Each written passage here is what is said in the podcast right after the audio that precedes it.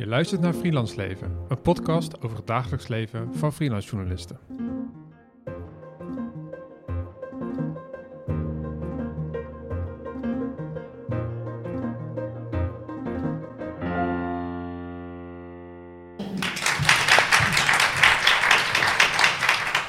Ja, leuk dat je luistert en leuk dat jullie er zijn. Uh, Erwin en ik uh, en Dilara Wilgic zijn uh, live bij het Festival van de Journalistiek. En we gaan hier een uh, live opname maken van Freelance Leven, onze podcast, uh, waarbij we normaal gesproken naar uh, mensen, freelancers of wetenschappers gaan om te kijken of de onderzoeken die Erwin gebruikt voor zijn PhD-onderzoek naar het freelance leven van journalisten ook een beetje overeenkomt met de werkelijkheid die wij als freelance journalisten ervaren. Tilara, fijn dat je er bent. Fijn om er te zijn. En Erwin, ook heel fijn dat jij er bent. Ja, Dila, kan je kort heel even vertellen wie je bent en wat je doet? Uh, zeker. Nou, ik ben dus uh, Dilara Bingic, uh, auteur van de Black Box Democratie en de Gelabelde. eerste boek kwam uit bij Boom en het tweede boek bij uitgeverij Pluim. En daarnaast ben ik dus vooral als freelancer nu aan het bijklussen als moderator, als, als, als nou ja, publicist bij de Groene Amsterdammer en de Correspondent. Um, ja, dat eigenlijk in een notendop. Ja, heel fijn. Ja, en zoals elke aflevering heb ik weer een wetenschappelijk paper meegenomen. En ik heb even wat goede aantekeningen gemaakt, want normaal duurt die introductie 10 minuten, maar we hebben nu een half uur, omdat er live publiek bij zit. Dus ik ga het even heel puntsgewijs uh, doen. En uh, wat ik deze keer heb meegenomen is een uh, recent essay van hoogleraar mediastudies Mark Deuze. En dat heet uh, What Makes Media Work Special is also What Can Make People Sick. Um, en wat doet hij eigenlijk in het paper? Hij begint met het punt maken dat uh, er veel surveys zijn die aangeven dat mediawerkers, dus dat zijn mensen, zijn journalisten, maar ook bijvoorbeeld mensen die in de game-industrie werken, in de filmindustrie, die publicisten zijn, uh, dat veel daarvan in surveys aangeven dat ze veel mentale problemen hebben. Uh, gerelateerd aan hun werk, bijvoorbeeld burn-outs, depressies, maar ook eetstoornissen, slecht slapen. de cijfers zijn binnen de media-industrie enorm alarmerend. Uh, maar tegelijkertijd geven diezelfde surveys aan dat de meeste mediawerkers heel blij zijn met het werk wat ze doen. Dus ze zijn gepassioneerd over het werk wat ze doen en ze geven ook aan dat ze het werk graag willen blijven doen. Dus er zit eigenlijk een hele duidelijke spanning tussen die twee gegevens. Aan de ene kant is er een soort gevoel van wat mediawerk zou moeten zijn en wat het voor de maatschappij kan betekenen en wat het voor een individu kan betekenen. Aan de andere kant is er, en daar ging het tijdens de vorige sessie ook uh, over, ging over uh, nou, keihard seksisme binnen de, uh, en racisme binnen de journalistiek. Heb je ook de dagelijkse belevenis van mediawerk. En die twee, die zijn eigenlijk in, in complete spanning met elkaar als je afgaat op de data die Mark deelt in dit paper. Um, en het punt wat hij dan maakt is eigenlijk een soort paradox. Dus uh, hij zegt dan wat mediawerk, mediawerk aantrekkelijk maakt. Hè, het is informeel, het is onvoorspelbaar, het is creatief. Uh, mensen zijn meestal intrinsiek gemotiveerd en willen iets goeds doen, iets teruggeven aan de maatschappij. Dat kan mensen ook ziek maken. Um, en hoe kan dat dan? Dus het volgende punt wat hij maakt in het essay. En dan zegt hij eigenlijk van, nou, er zijn drie structurele factoren binnen de media-industrie die bijdragen aan het hoge aantal burn-outs en andere mentale problemen. En over die drie dingen wil ik het graag met jullie hebben tijdens deze opname. Um, en de eerste die genoemd wordt is een gebrek aan wederkerigheid. En dat is eigenlijk samen te vatten als de passie die mensen in mediawerk stoppen, die wordt niet beantwoord door de industrie zelf. En ik heb twee quotes opgeschreven uh, die ik zelf terug heb gekregen in mijn eigen onderzoek naar freelance journalisten. En freelance journalisten zeggen bijvoorbeeld best vaak van je krijgt vooral te horen wanneer iets niet goed is. Um, en uh, je krijgt ook te horen je bent zo goed als je laatste werk. Dus er wordt eigenlijk volledig voorbij gegaan aan iemands passie, aan iemands liefde voor het werk. Uh, dat dat eigenlijk, zou eigenlijk geen onderdeel mogen zijn van het werk, volgens, volgens Mark Deuze dan. Uh, dat is gebrek aan wederkerigheid. De tweede is uh, lage procedurele gerechtigheid. En uh, daar hebben we het tijdens de vorige sessie ook al over gehad. Het gaat dan bijvoorbeeld over seksisme, over exclusie op, op grond van afkomst binnen de journalistiek, wat enorm vaak voorkomt en volledig wordt ondersteund door alle data die ik ken over redactieculturen en over de journalistieke cultuur in zijn algemeenheid. Ehm, en specifiek toegespitst op freelancers is lage procedurele gerechtigheid bijvoorbeeld. Je kan elk moment aan de kant gezet worden. Uh, freelancers kunnen meestal niet onderhandelen over tarieven. En het is vaak onduidelijk wat een freelancer nou precies moet doen om carrièreprogressie voor zichzelf te forceren. Omdat alles informeel is, omdat het onduidelijk is van hoe lopen de machtsstructuren. Uh, dus dat is lage procedurele gerechtigheid. En de derde en laatste is dat binnen de uh, mediawerk, in het bijzonder uh, journalistiek en journalistiek in het algemeen, zijn er ongewoon hoge werkeisen. En dat heeft eigenlijk twee elementen uh, die in de literatuur over freelancers vooral naar buiten uh, worden gebracht. Het eerste is dat door de intrinsieke motivatie zijn mensen enorm streng voor zichzelf. Dus ze hebben het gevoel dat ze als journalist altijd aan moeten staan, uh, want er kan overal een verhaal in zitten. je, moet, je moet altijd scherp zijn, je mag eigenlijk geen fouten maken, want je ziet jezelf als iemand die iets belangrijks toevoegt aan bijvoorbeeld de democratie. Dus daar mag je echt geen fouten in maken. Aan de ene kant zie je dus een soort zelf opgelegde ongewoon hoge werkeisen. Um, en aan de andere kant zie je door de flexibilisering van arbeid uh, uh, dat freelancers veel, uh, het heet in literatuur work for labor moeten doen. En dat is eigenlijk gratis werk om te kunnen werken. En daar zijn denk ik mensen in de, de zaal en, en, jullie ook wel bekend mee. En dan heb ik het vooral over jezelf profileren op sociale media, pitchen bij opdrachtgevers, fondsen aanvragen, netwerken. Um, dat zijn allemaal ongewone hoge werkeisen als je het afzet tegen de meer traditionele manier van werken. En dat is op een redactie, uh, um, redactie uh, in vastdienstenband, journalistiek bedrijven. Zonder te zeggen dat daar natuurlijk ook alle, allerlei zaken spelen die het uh, moeilijk maken om je intrinsieke motivatie te um, vredigen. Um, dus we hebben dus gebrek aan wederkerigheid, lage procedurele gerechtigheid en ongewoon hoge werkeisen. Dat is allemaal een hele mond vol. En ik ben vooral benieuwd, uh, jullie zijn allebei freelancers. Vinden jullie dit alles herkenbaar? En hoe, hoe ga je hiermee om? Nou ja, ik, uh, ik kijk er zelf ook wel een beetje naar vanuit psychologisch perspectief. Ik heb zelf uh, psychologie gestudeerd.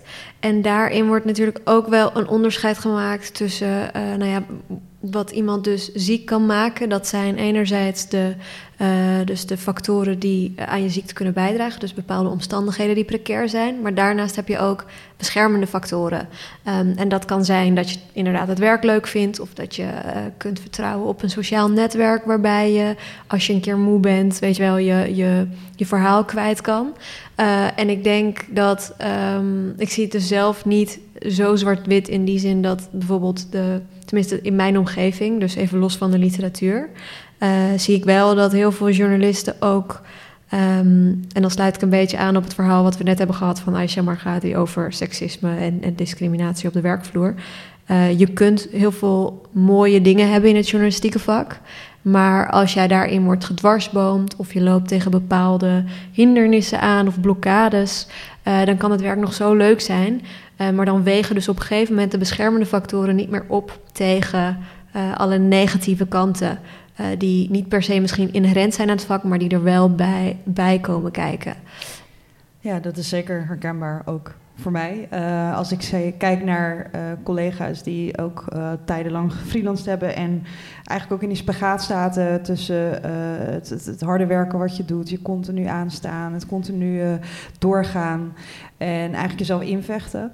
Um, ik zie dat een deel daarvan zo enorm overtuigd is dat journalistiek inderdaad echt te gek is en het een, echt hun passie is. Dat, dat, dat wordt dan gebruikt en het puur uit idealisme uh, dat je je volledig op het vak richt. Um, die mensen die blijven vaak wel lange tijd doorgaan of die gaan door totdat ze een burn-out hebben en een natuurlijke stop krijgen en dan toch grenzen aan moeten leren geven. Um, mensen die ik in mijn omgeving heb die, die drive misschien wat minder hebben, die, die geven dit ook al heel gauw op. En die stappen dan over naar bijvoorbeeld de communicatie of uh, een andere uh, portefeuille waar je eigenlijk niet met in ieder geval die ongewoon hoge werkeisen zit. En je gewoon nog avonden vrij kan hebben, zeg maar. Um, en dat is denk ik iets wat in het freelance leven, dat stukje balans, uh, dat blijft uh, heel lastig. En ik ben heel blij dat we eigenlijk ook op dit festival um, even mogen stilstaan, ook weer bij de mentale gezondheid van mensen. Omdat, nou ja, wat, uh, voor de luisteraar die even geen idee heeft waarom wij nu een beetje, uh, misschien een beetje een, een, bozige ondertoon hebben. Dat komt omdat we net dus naar een sessie hebben geluisterd van Aisha Magadi uh, over haar ervaringen bij Studio Sport en dergelijke. En alle, ja, de, de, de, de, journalistiek in Nederland, tenminste zo ervaar ik het, is voornamelijk gemaakt voor um, mensen die uit een sociaal hoger economisch milieu komen en de luxe hebben om uh, journalistiek te kunnen gaan doen. Of omdat ze een rijke partner erbij hebben, of omdat ze misschien al zelf veel sociaal en uh, cultureel kapitaal hebben. Dat is iets wat we vaker ook al in de podcast wel benoemd hebben. Maar dat werd me net weer eventjes extra duidelijk. Uh, het is, terwijl we ook aan de andere kant aangeven... journalistiek is zo enorm belangrijk voor de samenleving... om hem te kunnen laten functioneren. We moeten die controlerende functie hebben. We zien het, tenminste hier op het festival zijn ook weer mensen van de NVJ aanwezig... die laten zien journalistiek is een vak uh, betaal ons. En uh, ik weet dat er uh, freelancers en ook journalisten hier aanwezig zijn die bijvoorbeeld met de hashtag tegen de bakker zijn begonnen. En nou ja, alles wat je tegen de bakker zou zeggen om een stuk brood weet je wel, te kunnen meekrijgen. Ja, wij gaan niet zeggen van joh, voor exposure gaan we, kan je mij een paar chocoladecroissantjes meegeven. Dat is gewoon niet hoe het werkt. en toch wel in de journalistiek. En dat, dat frustreert me soms erg. Uh, ja, dat is, sorry voor de misschien wat onsamenhangende uh, zinnen, maar dat is eigenlijk wel hoe ik hem uh, voel. Um, Erwin, je haalde net ook dat punt over wederkerigheid aan en, en dus die, die passie die terugkomt. Ik ben wel benieuwd, Dilara, hoe ervaar jij het? Je bent nog een vrij jonge freelancer. Um, heb jij veel passieprojecten waar je eigenlijk weinig uithaalt? Of hoe, hoe is die balans bij jou? Um, nou ja, de balans bij mij is misschien niet. Um, nou, ik weet eigenlijk niet of dat typisch zo gaat. Maar bij mij is uh, mijn stukken en mijn boeken die zijn gedreven door frustratie. Dus dat is mijn energie. Uh, als ik ergens gefrustreerd over ben, dan komt daar een goed stuk uit. Ben ik het niet, dan komt er een heel slecht stuk uit. Dat is zeg maar bij mij de scheidslijn. Um, maar dat betekent dus wel dat je echt wel ook emotioneel betrokken bent bij je stukken. En dat betekent dus ook dat ik binnen de huidige journalistiek, zoals we dat zien, hè, objectief, neutraal, the fly on the wall, dat is sowieso al onzin. Maar voor mij is het nog meer onzin, omdat de onderwerpen gewoon uh, dichtbij komen. En omdat ik het dus journalistiek gewoon niet zuiver vind om dan te doen alsof ik de fly on the wall ben, terwijl ik ook echt een bijna een variabele ben in het onderzoek dat ik uitvoer, het veldonderzoek. Uh, dus dat maakt het wel inderdaad, als je dan ergens in duikt, dan is het al belastend, ook emotioneel. En als je daar dan ook niet de input of, of een soort van de reactie uit krijgt die je wil, omdat jouw uh, methode uh, niet de klassieke methode is, dan merk ik wel dat het daarin vooral voor mij persoonlijk, maar ook voor heel veel freelancers om me heen, echt belastend kan zijn. Dus niet zozeer. Um, want ik denk ook wel, de freelance journalistiek, dat trekt ook wel een bepaald type mensen. Uh, nou ja, ook wel veel mensen die misschien niet per se 40 uur uh, door willen brengen op een redactie met redactievergaderingen en dergelijke. Um, maar het, ik denk dat het pas echt precair wordt als zowel de omstandigheden, uh, dus nou ja, niet per se qua arbeidsvoorwaarden ideaal zijn. En er komt nog bij dat je er dus niet uithaalt wat je wil. Hmm. Hoe, hoe balanceer je dat? Goeie vraag. Um, nou, voor nu is het gewoon doorgaan totdat je op een gegeven moment uh, de stekker eruit moet trekken. Maar dat is misschien niet het meest uh, ideale voorbeeld van hoe dingen te balanceren.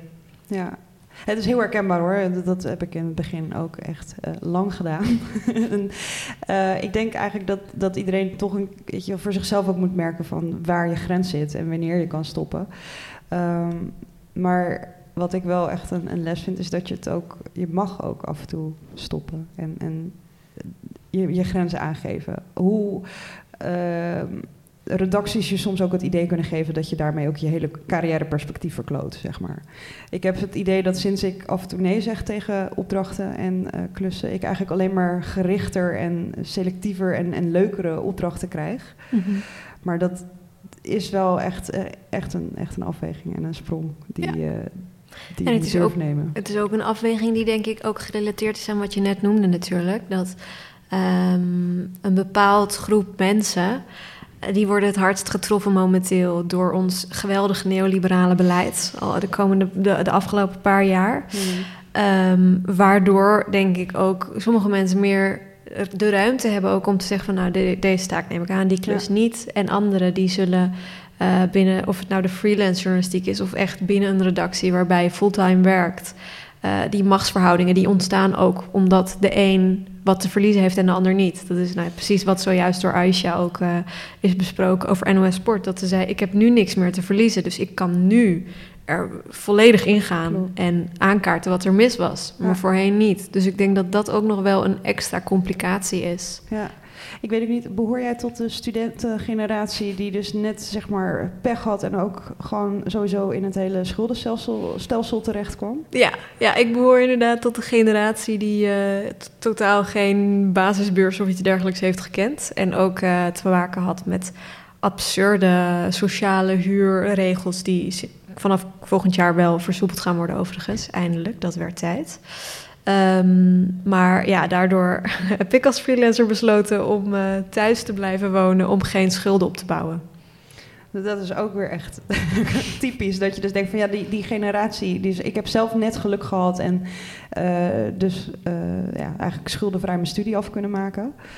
Maar eh, dat, dat besef dus dat er een hele generatie jonge journalisten ook met een schuld eh, gewoon hoe dan ook, weet je wel, eh, van op de markt komt. Vind ik best wel pittig, want daardoor krijg je ook weer een bepaald soort ongelijkheid tussen mensen die dat wel hebben en weer niet. En dat eh, maakt het Ja, ingewikkeld. ik moet eigenlijk aan twee dingen denken die heel duidelijk steeds terugkomen in de literatuur over freelance journalistiek en culturele productie in, in zijn algemeenheid. En, en de eerste is dat je ziet dat door, door flexibilisering van arbeid eh, is, eigenlijk de, de verantwoordelijkheid voor journalistieke productie overgeheveld van bedrijven naar veel individuen. Hè, dus, dus je moet zelf die, eh, die emoties eh, voor jezelf als freelancer moet je een plek geven. Je moet ook zelf je werk vinden, zelf je geld verdienen. Ehm, dus dan zie je eigenlijk een soort individualisering van, van de journalistiek, met alle gevolgen natuurlijk van dien. En het tweede is, en dat, dat, dat vind ik zelf heel mooi om te zien, is dat binnen de discipline van journalism studies is er sinds enkele jaren pas echt aandacht voor emoties in de journalistiek. Dat heet dan eh, de emotional turn in journalism studies. En dat reageert zich eigenlijk af tegen het idee van, als je kijkt naar de klassieke journalistieke ideologie, dan heb je allerlei termen die steeds genoemd worden door journalisten in onderzoek. En dat is autonoom, maar vooral objectief, afstandelijk, eh, toeschouwer, fly on the wall, zoals je het net noemde. En de emotional turn in journalism studies zegt eigenlijk van, je kan eigenlijk nooit objectief zijn. Je bent altijd emotioneel betrokken bij wat je doet. Er zijn een aantal mooie studies bijvoorbeeld geweest naar journalisten die Pulitzerprijzen hebben gewonnen. En dat wordt dan door de industrie zelf wordt het dan wordt gelabeld als dit is journalistiek, objectieve, autonome journalistiek die we graag zouden willen zien. Hè? Maar als je dan met de mensen praat die die journalistiek gemaakt hebben, dan zit er allerlei emotional labor achter. Allerlei emoties die ze onderdrukt hebben. Het gevoel dat ze niet emotioneel mogen zijn in hun werk, want dan ben je geen echte journalist of zo. En dat bestaat, bestaat natuurlijk niet. Eh, er bestaat sowieso geen definitie van journalistiek, alleen het gesprek wat we met z'n allen over journalistiek hebben. En dat is eigenlijk een constante hè, definitie eh, die we met z'n allen proberen eh, uit te vinden. En dat hoorde ik ook wel, terug, wel mooi terug in jouw werk van, van het wordt gedreven door frustratie of, of, of dingen waar je je boos over maakt. Hoe ehm, ga je zelf om met die emotional labor? Ehm, nou ja, wat, wat ik dus vooral heel erg. ehm, ik denk dat die emotional labor of je emotionele betrokkenheid zie ik niet als een probleem in mijn stukken. Integendeel. Maar waar ik dus vooral heel erg tegenaan loop, is dat de klassieke soort van definities of de klassieke manier van journalistiek bedrijven in, in de interacties die ik heb gehad binnen de journalistiek. eh, daar past dit eigenlijk niet. Of Ja. daar is het beter. Er is echt een soort hiërarchie. eh, als, als ik dus, eh, nou ja, bijvoorbeeld, laat ik een concreet voorbeeld geven. Recent hadden we de verkiezingen in Turkije. En nou, ik ben geboren in Turkije. Dus dan kun je al bij voorbaat niet helemaal objectief zijn. Eh, want nou, je hebt ook een Turks paspoort, enzovoort, enzovoort. Eh, dus dan hou je een beetje een soort van, eh, nou ja, eh, je houdt je eh, niet heel erg ermee bezig. Dus ik zat niet dag en nacht op Twitter te tweeten erover. Ehm, maar wat je dan wel merkt, is dat journalisten die dan doorgaan voor objectief en neutraal, dat die ook um, subjectief waren, omdat zij gingen vissen in een bepaalde vijver. Dus ze gingen dan bepaalde mensen interviewen. Um, ten tijde van die verkiezingen binnen hun eigen bubbel, waardoor heel veel journalisten die ik sprak, vrienden van mij overigens, um, het gevoel hadden van: oh ja, dit keer gaan we Erdogan echt verslaan. En ik dacht alleen maar, ik heb een hele grote vriendenkring. En het enige wat ik daar hoor is dat Erdogan gaat winnen. Er zijn peilingen van de staatsmedia daar, die geven andere cijfers dan de peilingen die consequent in de Nederlandse media werden aangehaald. Nu ben ik de laatste, echt waar, de laatste die blij is met de huidige verkiezingsuitslag. Maar ik dacht wel, als journalist is het niet mijn taak om het een te verdoezelen, zodat ik misschien bijdraag aan de winst van de oppositiekandidaat. En dat zag je wel impliciet, tenminste dat zag ik heel erg impliciet gebeuren, eh, maar dan wel onder mom van de neutraliteit. En daarin snap ik het, want je hebt dus als journalist een dilemma, nu ook natuurlijk met Rusland en Oekraïne. Ga je inderdaad uh, objectief rapporteren, dit is wat er gebeurde. Of accepteer je gewoon, oké, we zijn subjectief. Wij, wij gaan het consequent zo hebben over het, het nieuws dat bijvoorbeeld Oekraïne, um, nou ja, beter in, de, in een beter daglicht komt staan. Of dat inderdaad de oppositiekandidaat in Turkije iets beter uit de verf komt dan Erdogan. En dat, dat het gesprek daaronder dat kom ik niet tegen. Dus er wordt gedaan alsof het objectief is. En dat kan niet. Dus ik vind het dan belangrijk dat er wordt toegegeven dat het zo is. Mhm. Ja, dat is heel herkenbaar. Wat zorgt er dan voor dat jij denkt van ik ga me daar niet aan branden? Dat, dat, je zei eerst van ik, ik ben ook Turks, dus ik uh, wil daar niet te veel over tweeten. Mhm. Wat zorgt er dan voor dat je dan zelf niet uh, deelt wat je ziet, zeg maar? Um, nou ja, het is wel. Ik heb natuurlijk wel een paar uh, selectief. Dus ik heb wel een aantal radio-optredens gehad waarin ik het dan ging duiden. Uh, en een artikel in de Groene Amsterdammer geschreven daarover.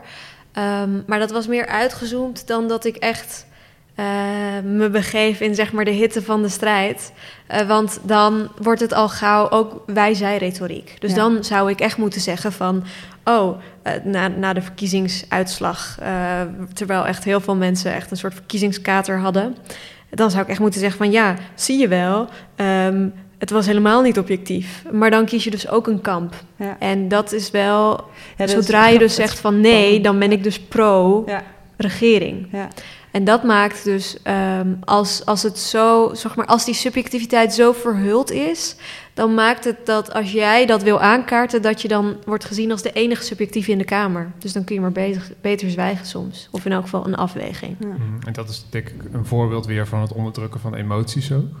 Door ja, dat is herkenbaar. Aanwezige tendensen binnen de journalistiek. Zeker. Ik, mijn schoonfamilie die uh, komt uit Oekraïne. En ik zie ook allemaal misvattingen en dingen. En ik heb gewoon zoiets, ik ga me er gewoon niet aan branden. Want je wordt zo voor een karretje gespannen dat je ineens dan ineens pro-Poetin zou zijn, omdat je denkt van ja, maar er zijn ook mensen daar die, weet je, uh, er nu heel blij zijn dat ze bevrijd zijn door de Russen. Terwijl het is gewoon puur omdat er corruptie op allerlei verschillende niveaus werkt. En als jij ineens een beetje stabiliteit krijgt, dat is het enige wat mensen willen in hun leven.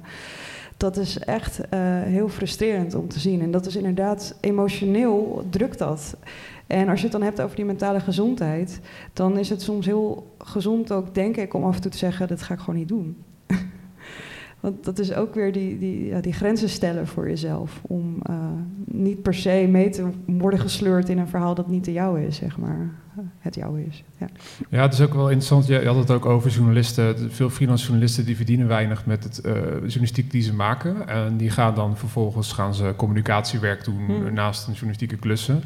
Uh, daar is best wel veel literatuur over. Hè, van een journalist gevraagd van, hoe, wat, wat, wat vind je daar nou van? En dan zie je dat journalisten heel streng zijn voor zichzelf. Dat ze zichzelf, uh, ze hebben het gevoel dat ze zich verlogenen. En dan krijg je dus weer allerlei emotionele coping mechanisms om te verantwoorden dat ze dat doen. Terwijl dan leg je de schuld heel erg op het individu. Überhaupt dat er een schuldgevoel bij zit. Ja. Een echte journalist zou dat niet mogen doen. En uh, dat, dat is niet iets wat ik nu zelf verzin, maar wat ik uit de data uh, dan steeds haal. Ja. Um, wat doen jullie? Want, want hè, je, werkt toch wel, je bent bezig met meningen, uh, met feiten, met publiceren.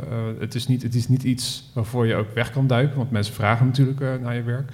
Wat doen jullie tijdens jullie dagelijks leven als freelancers om met je mentale gezondheid om te gaan? Ik kijk naar jou. Ja, nou ja, ik uh, probeer uh, te beletten. Ik ga, dat is fijn, dat is mijn uh, uitlaatklep. Ik maak graag muziek. dat doe ik te weinig, maar dat, daar, dat, nu ik dit zeg, denk ik, ja, dat moet ik weer gaan doen. Um, maar ik probeer inderdaad dus door bewegingen en andere creatieve uitingen wel um, een beetje plezier te houden in alles. Dat is wel belangrijk, ja. En ja, ik ben wel benieuwd, wat doe jij? nou ja, specifiek als het gaat om, denk ik, de, de journalistieke praktijk, dan heb ik gericht daarop, denk ik, meer mijn soort van ja, bijna coping mechanisms. In die zin dat ik dus het gesprek aanga met uh, gelijkgestemden. Hmm. Uh, dus met freelancers onderling. Um, en dat hoeft niet per se te zijn dat ik dan elke keer, weet je wel, hulp zoek. Uh, het is ook heel vaak juist andersom, dat ik bepaalde verworvenheden heb nu inmiddels. Nou ja, ik, ik heb me bijna, zou je kunnen zeggen, ingevochten op, op bepaalde plekken.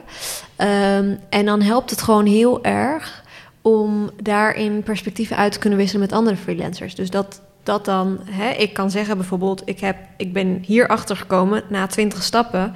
Jij had gewoon de shortcut kunnen nemen, dan ben je na één stap waar ik nu ben. En dat, dat gesprek daarover, dat helpt heel erg, merk ik. Dus even los van echt wat je er omheen doet in je privéleven, specifiek gericht op de journalistiek, uh, denk ik dat omdat het dus zo diffuus is, het is niet, ik bedoel, je hebt geen contract uh, vaak. Het is gewoon een factuur sturen voor wat je doet. Uh, het is niet helemaal duidelijk wanneer stijg je in salaris. Wat zijn de salarisschalen überhaupt? Wat kun je vragen? Wanneer doe je je werk goed, wanneer niet? Al die dingen zijn heel diffuus. Hmm. Waardoor het ook heel makkelijk is om inderdaad ook machtsverhoudingen te hebben binnen de freelance journalistiek die niet gezond zijn, uh, die schadelijk zijn voor het individu of waarbij de verantwoordelijkheid bij het individu wordt, uh, wordt neergelegd. Dus ik, ik ben daarin heel erg vooral bewust bezig met, met vrienden in elk geval. Het gesprek daarover aangaan van wat, wat doe jij of wat heb jij gedaan. Soms zelfs wat heb jij gevraagd voor dat stuk. Heel goed. ik vind het echt heel tof om te horen dat je dat al, al doet. Dus ik heb het idee dat, ik ben zelf 30, dat dat in mijn generatie nog wel echt een stuk minder werd gedeeld. Gewoon uh, vragen, wat verdien je? Nou ja, dat wel überhaupt het verdienen. Ik bedoel, ja, uh, met deze podcast verdien ik nu 960 euro. Kan ik best even zeggen, weet je. Dat mogen we best delen. Um, en als ik dat dus af en toe drop, dat soort bedragen... Ik zie dan nu dat, zeker de collega's die ik heb die wat ouder zijn... dan echt een soort van schrikken af en toe. En ook nog, ik weet nog steeds niet wat die verdienen. Uh, terwijl van al mijn jongere collega's weet ik het vaak wel. En ik denk dat dat, dat gesprek over bedragen en over hoeveel vraag je per uur... Um, en komt dat overeen met wat uh, de tarievencalculator van de NVA... Nou ja, ik heb, ik heb meerdere opdrachtgevers gehad die hadden zoiets van... ja, die tarievencalculator van de NVA, dat kan je echt nooit vragen. Nou ja, uh, laten we toch maar eens proberen, weet je wel. als niemand meer akkoord gaat voor lagere bedragen, dan is dat... dan, wordt dat, dan gaan we wel zien wat er waar het op uitkomt, zeg maar. Um, en wat ik tof vind aan dat jij het dus bespreekt met andere mensen. We hebben Erwin ook een keer een aflevering opgenomen met Mark Deuzen. En daar hadden we het ook over het vocabulaire dat je moet leren ontwikkelen, überhaupt om je te kunnen hebben over mentale gezondheid. Uh, om aan te kunnen geven hoe je je voelt en uh, waar je comfortabel bij voelt. En dat er verschillende uh, emoties nog bestaan naast alleen blij, boos en bang of zo. Hij noemde er een paar termen bij. En dat je dat überhaupt leert verwoorden met elkaar, ik denk dat dat echt ook uh, enorm gaat helpen om die hele sector ook te kunnen omvormen. Als we ook weten hoe we erover kunnen praten. Ja, daarom vind ik bijvoorbeeld zo'n concept als uh, low procedural justice vind ik heel nuttig. Omdat het, het helpt mij als een soort, soort kerstboom... Waar dan, waar dan allerlei verschillende vormen van low procedural justice onder vallen. En dat is dus uh, bijvoorbeeld uh, slechte betaling... maar dat kan ook seksisme zijn. Uh, dat kan ook uitsluiting zijn op, vorm van afkomst... Hè, of, of gewoon allerlei verschillende elementen natuurlijk door elkaar heen... En ik denk dat daar dit soort onderzoek, um, en, en daar geloof ik ook zelf wat ik zelf doe, heel nuttig voor kan zijn. Um, want in het voorgesprek zei ik al een beetje van, van wat San en ik proberen te doen met de podcast, is gesprekken die journalisten met hun vrienden hebben en in de kroeg hebben, eigenlijk zo op een podium in het openbaar trekken. Mm. Omdat mijn indruk is, is dat de meeste freelancers hebben die gesprekken wel onderling. En de allerbelangrijkste boodschap is, um, je bent nooit alleen. En er zijn altijd mensen die hetzelfde doormaken als jij. En En je hoeft het ook nooit alleen te doen. En dat vind ik ook wel mooi dat je dat zo deelt met vrienden dan. Ja, ja en het is denk ik ook wel breder te trekken dan, ehm, dan alleen de freelance journalistiek. Ook bijvoorbeeld als je kijkt naar het, het recent verschenen onderzoek... Uh, wat in opdracht van het ministerie van OCW is uitgevoerd. uitgevoerd. En het, uh, het onderzoek heet dan Je kunt niet zijn wat je niet kunt zien. Uh, nou, volgens mij is dat een heel veelzeggende titel. En dat onderzoek laat zien dat binnen de audiovisuele sector in Nederland uh, meer dan de helft uit mijn hoofd, nou dat zou ik even moeten factchecken, maar in elk geval een aanzienlijk deel van de geïnterviewden die uh, hadden het gevoel dat de sector totaal niet inclusief was. Um, en ja, ook daarin was er wel een verschil in, part in participanten. Dus als we dan weer komen bij dat procedural justice. Um, dat met name uh, vrouwen, uh, jonge mensen, mensen van kleur in een niet leidinggevende positie het als niet divers en niet inclusief zagen. Dat zegt wel iets over inderdaad de kwetsbare positie waar je in zit, net als bijvoorbeeld een freelance journalist. Dat vooral die het als niet divers en niet uh, inclusief zagen. En dat met name, nou ja, dit, dit gaat wel echt heel erg soort van, ik bedoel dit niet stereotyperen, maar dit zijn gewoon de bevindingen. Um, oudere, witte mannen um, in leidinggevende posities het juist zagen als een heel diverse en inclusieve soort van uh, sector. En dat, uh, en dat vond ik vooral interessant, dat zij dus het probleem niet zo zagen. En ik denk dat, dat dat hetzelfde kun je ook even lostrekken daarvan naar de journalistiek en bepaalde problemen die daarbij kijken. Wat dat laat zien is dat er gewoon bepaalde blinde vlekken zijn. Als jij mm. zelf iets niet meemaakt, dan kun je al gauw denken dat het helemaal prima is gesteld, dat het allemaal heel goed gaat. Um, en die blinde vlekken kunnen er denk ik juist voor zorgen dat zo'n sector, of dat nou de audiovisuele sector is of de journalistiek, dat die um, voor een bepaalde groep of voor de meest kwetsbare eigenlijk, het minst fijn kunnen zijn. Ja, het is een beetje het cliché van uh, dat een leidinggevende zou zeggen van, of een hoofdredacteur, ik zeg maar iets, zou zeggen van ik hoor niks, er zal ook wel niks aan de hand zijn. Terwijl de literatuur over redactieculturen, er is ook laatst een uh, best wel mooi uh, paper verschenen over redactiecultuur op Nederlandse kranten. Ehm, dat ging dan vooral over durven mensen in verschillende lagen van de redactie durven ze creatief te zijn. Dat was dan de engel. Um, en het antwoord was nee. Het antwoord was uh, vooral de, de, de hoofdredactie, uh, de, de, de, adjunct uh, hoofdredacteuren en dan een aantal lucky few, zoals ze werden genoemd. Die durven creatief te zijn, ideeën te uiten. En daaronder was gewoon een complete angstcultuur, vooral van freelancers. Hè, die, helemaal, die, die, die kregen hun creatieve ideeën niet naar boven in de hiërarchie. En dat raakt ook wel een beetje aan, aan um, wat jij zei, aan, aan, de grote paradox van mediawerk. Is dat aan de ene kant is het ontzettend informeel. Hè? Dus, dus uh, je ziet allemaal mensen hier ook op podia, die hebben gewoon, uh, over, gewoon leuke overhemdjes aan en weet ik veel wat. En die staan niet als een soort shark op, op, op een podium. Hmm. Ontzettend informeel. Maar aan de andere kant, het is misschien nog wel meer militair ingericht dan sommige militaire organisaties. Hè? Met rangen en, en met de, ik ben de hoofdredacteur. En, en, dat is een compleet verwarrende, bizarre situatie. Want als iets subjectief is, dan is journalistiek het wel. Niemand komt eruit hè? Uh, wat het precies is. Uh, maar dat informele en ook dat, en ook dat hiërarchische, dat kan ja, zeker als je, als je uh, een lagere sociale status hebt binnen de journalistieke structuur, ontzettend verwarrend zijn. Ja. Tenminste, dat lijkt mij. En dit laat denk ik ook wel heel goed zien hoe heel veel mechanismen um, binnen, nou ja, in dit geval hebben we het dan over de journalistiek, maar dat geldt, dat gaat ook voor heel veel sectoren. Als iets diffuus is of het is meer onbenoemd, dan is het ook heel moeilijk om dat aan te kaarten of om daar echt iets mee te doen. En kan dat heel gauw deel uitmaken van je blinde vlek. Mm. Uh, dus uh, als je het expliciet benoemt, zoals nu, dan nou, dit, volgens mij uh, zullen de meeste mensen wel denken van ja, we trappen hier allemaal open deuren mm. in. maar als je kijkt naar de praktijk, ligt het anders. Juist omdat dat van die hele diffuse processen zijn waar allerlei nou ja, machts, machtsmechanismen bij komen kijken. Um, er komt heel veel psychologie bij kijken en al die dingen samen zorgen ervoor dat het dat bepaalde procedures en, en, mechanismen zich toch weer reproduceren. Ja, omdat ook zoveel dingen ook al ingesleten zijn, heb ik het idee. Dat je op redacties zit die gewoon maar door blijven gaan. Uh, en je wil ook gewoon je verhalen maken en je deadlines halen. En om een omslag te maken moet er ook misschien eerst eventjes ja, intern nog gekeken worden van misschien moeten we toch wat anders gaan doen. En dan kan je pas eh, een verandering maken. Want dat door blijven denderen en dat, dat, dat, dat biedt niet echt ruimte om uh, de werkcultuur aan te passen, zeg maar. Nee, en ik denk dat daar dus. Um, hoop ik dat daar echt een gesprek over op gang gaat komen. Omdat dat zowel dus de mensen, de medewerkers gaat, maar ook gewoon de, uh, als je kijkt naar de journalistiek, de kwaliteit ervan, wordt er niet beter van. Kijk naar de toeslagenaffaire en hoe dat in de media terecht is gekomen. Begin met kijken vanaf de Bulgarenfraude tot aan ja. de toeslagenaffaire. Ja, hoe is het in de media? zoals we ja, het eigenlijk toeslagenschandaal inderdaad.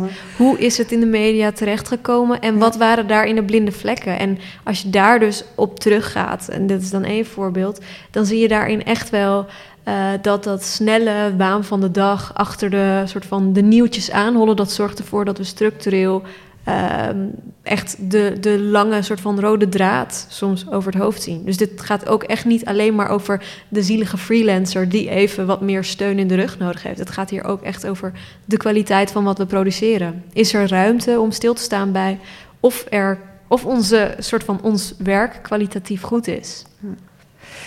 We gaan hier uh, zeker nog over doorpraten in uh, de komende afleveringen van Freelance Leven. Um, ik hoop dat ook leidinggevenden eens luisteren. dat zou fijn zijn, want dat, uh, dat is nodig ook om echt wat te veranderen. volgens mij moeten we af gaan ronden. Erwin, wil je nog iets toevoegen? nee, ik denk dat het vooral neerkomt op reflectie. de literatuur daarover laat zien dat, dat journalisten ontzettend slecht kunnen reflecteren.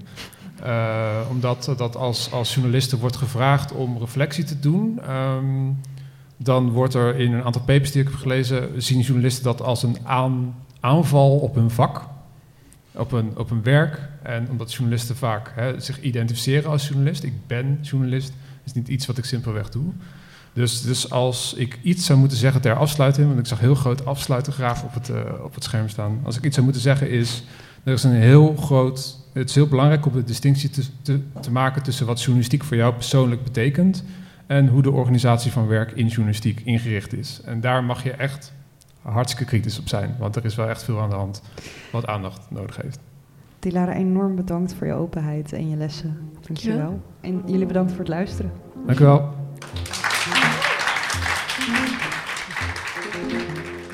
Freelance Leven wordt mede mogelijk gemaakt door het Lira-fonds RepoRecht. Mijn promotieonderzoek, dat ten grondslag ligt aan deze podcast, wordt mogelijk gemaakt door Stichting Democratie en Media en het Stimuleringsfonds voor de Journalistiek. Wij zijn er volgende maand weer met een nieuwe aflevering. Tot dan!